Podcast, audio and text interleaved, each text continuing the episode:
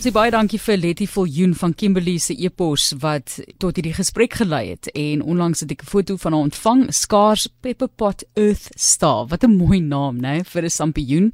En dit is nog nie voorheen in die Noord-Kaap opgeteken nie en sy wou 'n bietjie meer daarvan geweet het.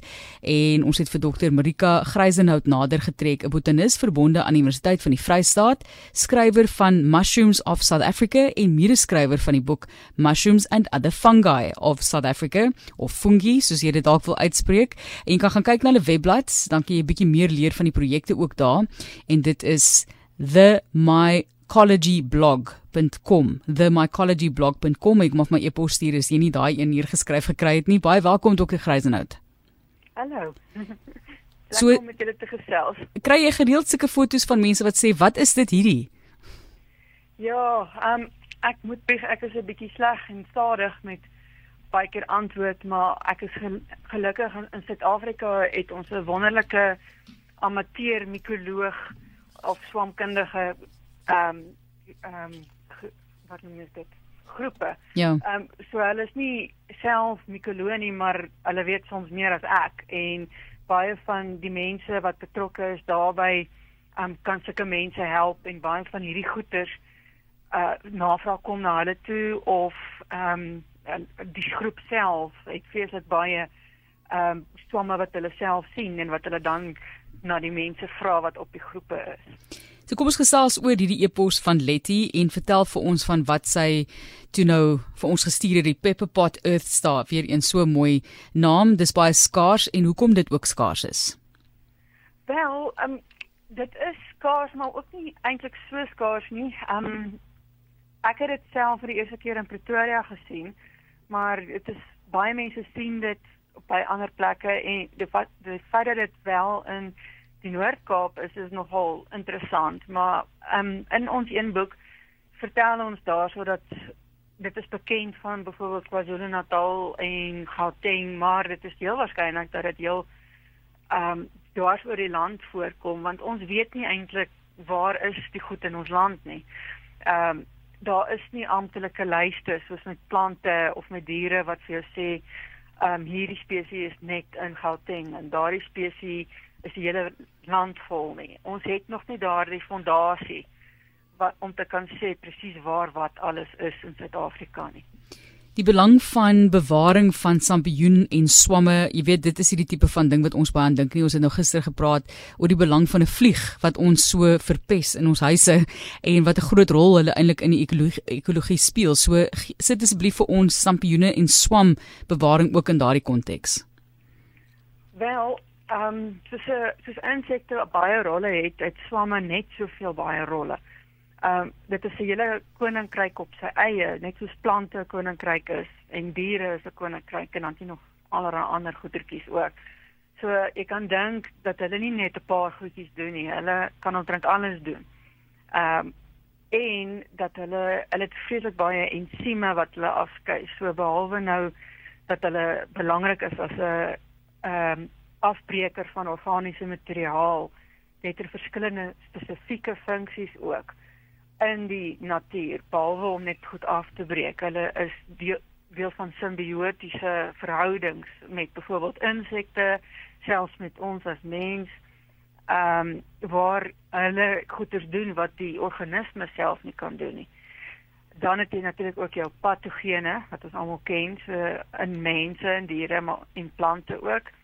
Maar hulle rolle net soos die vliegsin is nie sleg nie. Dit is daar's daar's redes voor as daar nie siektes vir plante in die wêreld was nie sou ons o jo, die enigste plante wat sou doodgaan is dit wat ehm um, droogte gehad het of omval of so. Ja. So hulle het 'n baie belangrike balans rol in die natuur. Die vraag um, vir die vraag ook net dokter ja. Gryzenhout net vir ons 'n idee gee van hoekom is hulle bedreig? Wat bedreig dan nou sampioene en swam? En daar is spesies wat jy ook op die rooi lys wil sit en dis die Clathurus transvalensis. Ek weet ek spreek dit seker nie reg uit nie. Jy kan dit vir ons regstel en Amanita veldvlei. So hoekom hierdie spesies en ek sou nooit gedink het 'n swam of 'n sampioen kan bedreig word nie en hoekom ja? Ja. Ag enige organisme op aarde kan bedreig word. Um, ons ken na die groter organismes soos 'n leeu en 'n uh, renoster en sekere plante makliker want dit is nou maklik om te sien. Swamme um, en bakterieë en ander mikroorganismes en mikroskopiese diertjies sien ons net nie. Maar dit beteken nie hulle is net so beperk om net in sekere gebiede of op sekere organismes voor te kom soos wat daardie spesifieke plant is nie. Inteendeel baie van die verhoudings is so spesifiek as jy die gasheer wegvat, vat jy al die mikroorganismes ook weg. Nou ehm um, met swamme, die groter swamme soos sampioene ehm um, nie noodwendig dit wat op jou brood groei of op jou kaas is nie. Dieselfde geld vir hulle, hulle baie spesifieke rolle. As hulle ehm um, blom, as ek dit so kan noem, as hulle die champignon maak, dan blom hulle, dan sien ons hulle eers. Maar as daardie stukkie geplasei word, vat ons dit weg en ons weet dit nie eers nie. So ehm um, in die wêreld is daar baie ehm um, sterker wordende um beweeg uh, aktiwiteite om swamme in eerste plek mense te kan besef dat swamme word net soveel um bedreig as enige ander organisme sodat ons kan begin kyk daarna en dan begin ons die inligting versamel om te kyk in watter kategorie van die rooi lys val hulle. Um so daar's 'n hele paar wat al in die wêreld in die rooi lys opgeneem is, maar in Suid-Afrika self nog niks. So die drie wat ehm um, ek vir julle gestuur het, ehm um, is nog een van ons inheemse swamme wat nie eintlik elders elders in die wêreld voorkom nie. En die opnames wat ons gedoen het, lyk laat dit blyk dat dit slegs in Trent en Gauteng is. Nou Gauteng, een van die besigste, mees ontwikkelde en ontwikkelende dele van Suid-Afrika. So voor ons weet, gaan ons dalk nie meer daardie swamme hê nie. En ons het daai drie gekies omdat hulle so mooi is en so eintlik half en half bekend is onder ons swammense en nuuskieriges en ons kon die inligting daarvoor kry dat ons net kan begin om dit te doen en dan kan ons die volgende groepie vat en nog 'n verder groepie. Dr Marika Greisenhout is 'n botanis verbonde aan die Universiteit van die Vrystaat en skrywer van Mushrooms of South Africa. Die natuurlike vyand dan van swamme en sampioene is dit soos my klink ontwikkeling of is daar ander faktore wat ook in berekening gebring moet word? Wel, soos soos maar met die ander organismes ook, is dit maar meestal die mens en mens en ontwikkeling gaan maar saam. Daar is natuurlik natuurlike prosesse wat dinge laat verander, maar op die oomblik onkunde, ek dink is die grootste vyand. Um want ons weet die kleinste versteuringkie kan dalk maak dat ons nie weer daardie swam gaan sien nie. En dan weet ons nie meer van hom en ons die groot die um ironie in Suid-Afrika is ons weet 'n paar honderd of, ons het 'n onlangse lys gemaak so 1000 spesies in op ons lys. Maar die meeste van hulle is uitheems hulle kom nie eintlik hier voor nie, hulle kom in die res van die wêreld voor. Uh, hulle is dalk ingebring of ons hulle dis deel van hulle wêreld verspreiding. Maar ons eie unieke Suid-Afrikaanse swamme, daar's net 'n paar van hulle wat eintlik beskryf is. Die res is nie Maar soos wattels en bloekom bloekombome, wattels en so wat ons inheemse bome bedreig, sou daardie swamme dan ook ons inheemse swamme bedreig dit hang af net soos met wattels en ehm um, bloekombome ehm um, van die eienskappe van die swam en hoe mense hulle dalk versprei het of so ehm um, maar die groot grap is ons weet nie.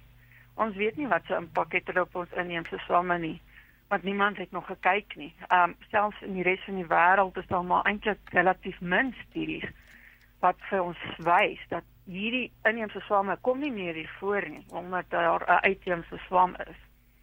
En die, die mens self, die mens self um, is ons maar skrikkerig vir sampioene as jy in die veld loop um, om jy weet as gevolg van die wat giftig is en nie giftig is nie so uh, jy hou eintlik maar 'n afstand vir veiligheid as jy nie 'n kenner is nie in elk geval en los dit nou maar net en wil nie belangstel nie is is dit 'n groot um, weerstand wat daar is by die mens? Ek dink nie noodwendige weerstand is meer dan ehm um, weer eens onkunde. Ehm um, en dit is nou nogal 'n nuwe wêreldse ding, so selfs in Amerika Ehm um, net is die meeste van die mense noem ons ehm um, mikrofobe. Hulle hou nie van die sampioene nie oor daai redes en uh negatiewe konnotasies wat daaraan is, maar in die in Europa en baie ander in Afrika en Asië is dit is dit deel van die kultuur. Dit mense gaan uit en soek hierdie sampioene vir een of ander rede rede soos kos of een of ander eienskap wat hulle het. Ehm um, so dit dit het ook iets daarmee te doen en my grootste frustrasie was altyd hoe die ehm um, studente op kampus al die sampioene wat opkom um, stuk en skop. Ai. Mens doen dit nie met plante nie. maar ehm um, ek dink dit het daarmee te doen, maar hulle is ongelooflik fascinerend. Daar is ongelooflike goeie goed wat van hulle afkom. En jy sal enige iemand wat op op die lyste is of op die Facebook bladsy ehm um, van vra hulle as jy dit eers ontdek ek wil jy nie ophou nie omdat daar so baie is en en omdat so opwindend is en daar's ja. so baie nuwe goeters.